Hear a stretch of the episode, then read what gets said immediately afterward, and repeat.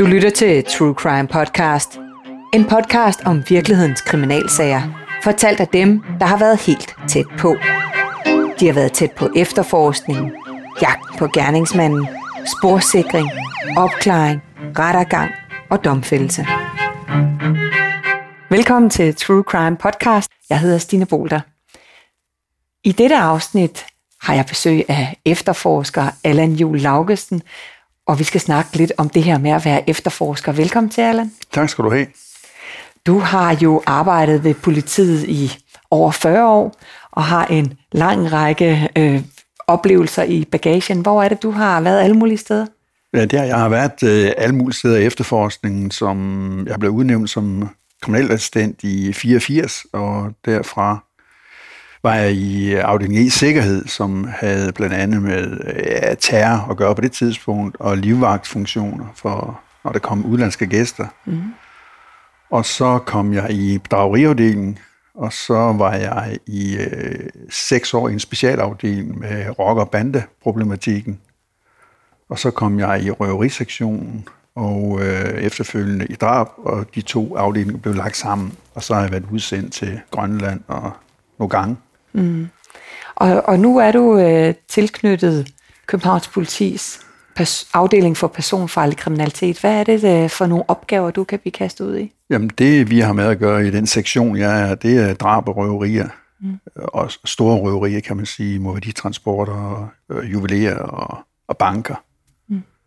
Og hvad har du øh, haft af, af, af sager der, som du sådan særligt kan huske? Jamen, blandt andet har vi også haft øh, hjemmerøverier, som er en øh, ret alvorlig ting, kan man sige. Noget er at gå ind i en bank, men noget er at gå ind i øh, private øh, personers øh, boliger og lave røveri og udsætte dem for grov vold, hvad der skete blandt andet i, i den sidste sag, vi havde her. Mm. Hvad var det for en sag? Det var en sag øh, mod en øh, 69-årig cykelhandler ude på Østerbro, øh, hvor at, øh, to personer indfandt sig tidligere om morgenen, som tre-fire stykker om morgenen, og så sad de og ventede på trappen hele natten, indtil han forlod sin lejlighed der om morgenen og skulle ned og åbne sin forretning. Og så blev han truet ind i lejligheden, og det udviklede sig straks til et slagsmål og, og kamp, hvor han blev stukket med kniv blandt andet. Og efterfølgende mishandlede i tre kvarter til en time øh, for at åbne et pengeskab og udlevere sin egen del, hvad han modsatte sig. Mm.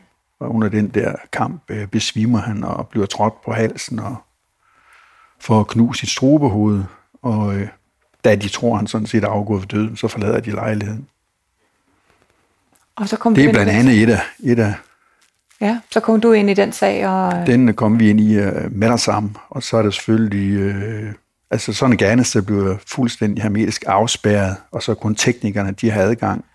Og så samler man jo alle de spor ind, man kan på gerningsstedet, plus man sætter i gang med afhøring af vidner, overvågning af S-togstationer, bus, øh, busser, metrostationer, hvad det kan være i nærheden. Det kan være aktuelt. Mm. Og så indsamler man alt det overvågning, man overhovedet kan finde fra forretninger og, og andet.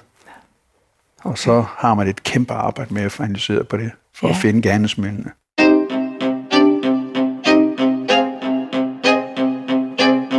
Jeg ved også, du har efterforsket rigtig mange røverier, blandt andet sådan nogle guldsmedrøverier, øh, som København var pladet af, i en, især i en periode. Hvad var det, der skete der? Det er rigtigt. Der var, øh, man kan sige, det var en rigtig professionel øh, gruppering. Det hed Pink Panther, som opererede hele verden.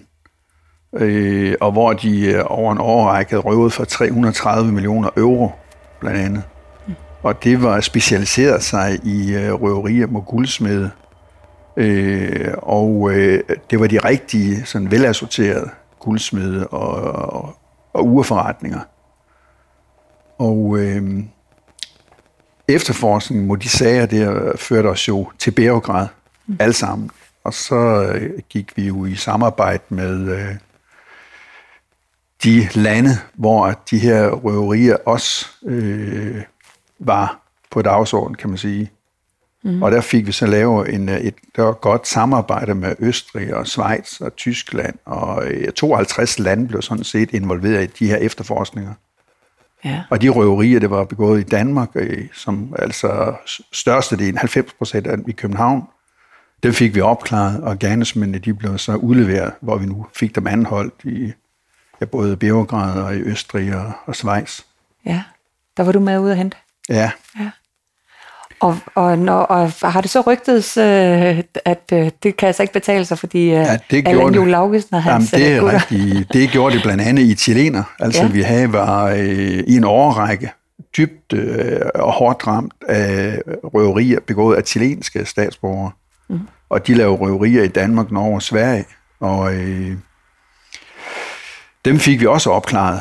Og der var vi så i Chile nogle gange. Og øh, fire-fem år efter hentede vi stadigvæk de der gerningsmænd fra Chile. Og så rygtes det jo hurtigt, at øh, man skulle i hvert fald ikke tage til Danmark.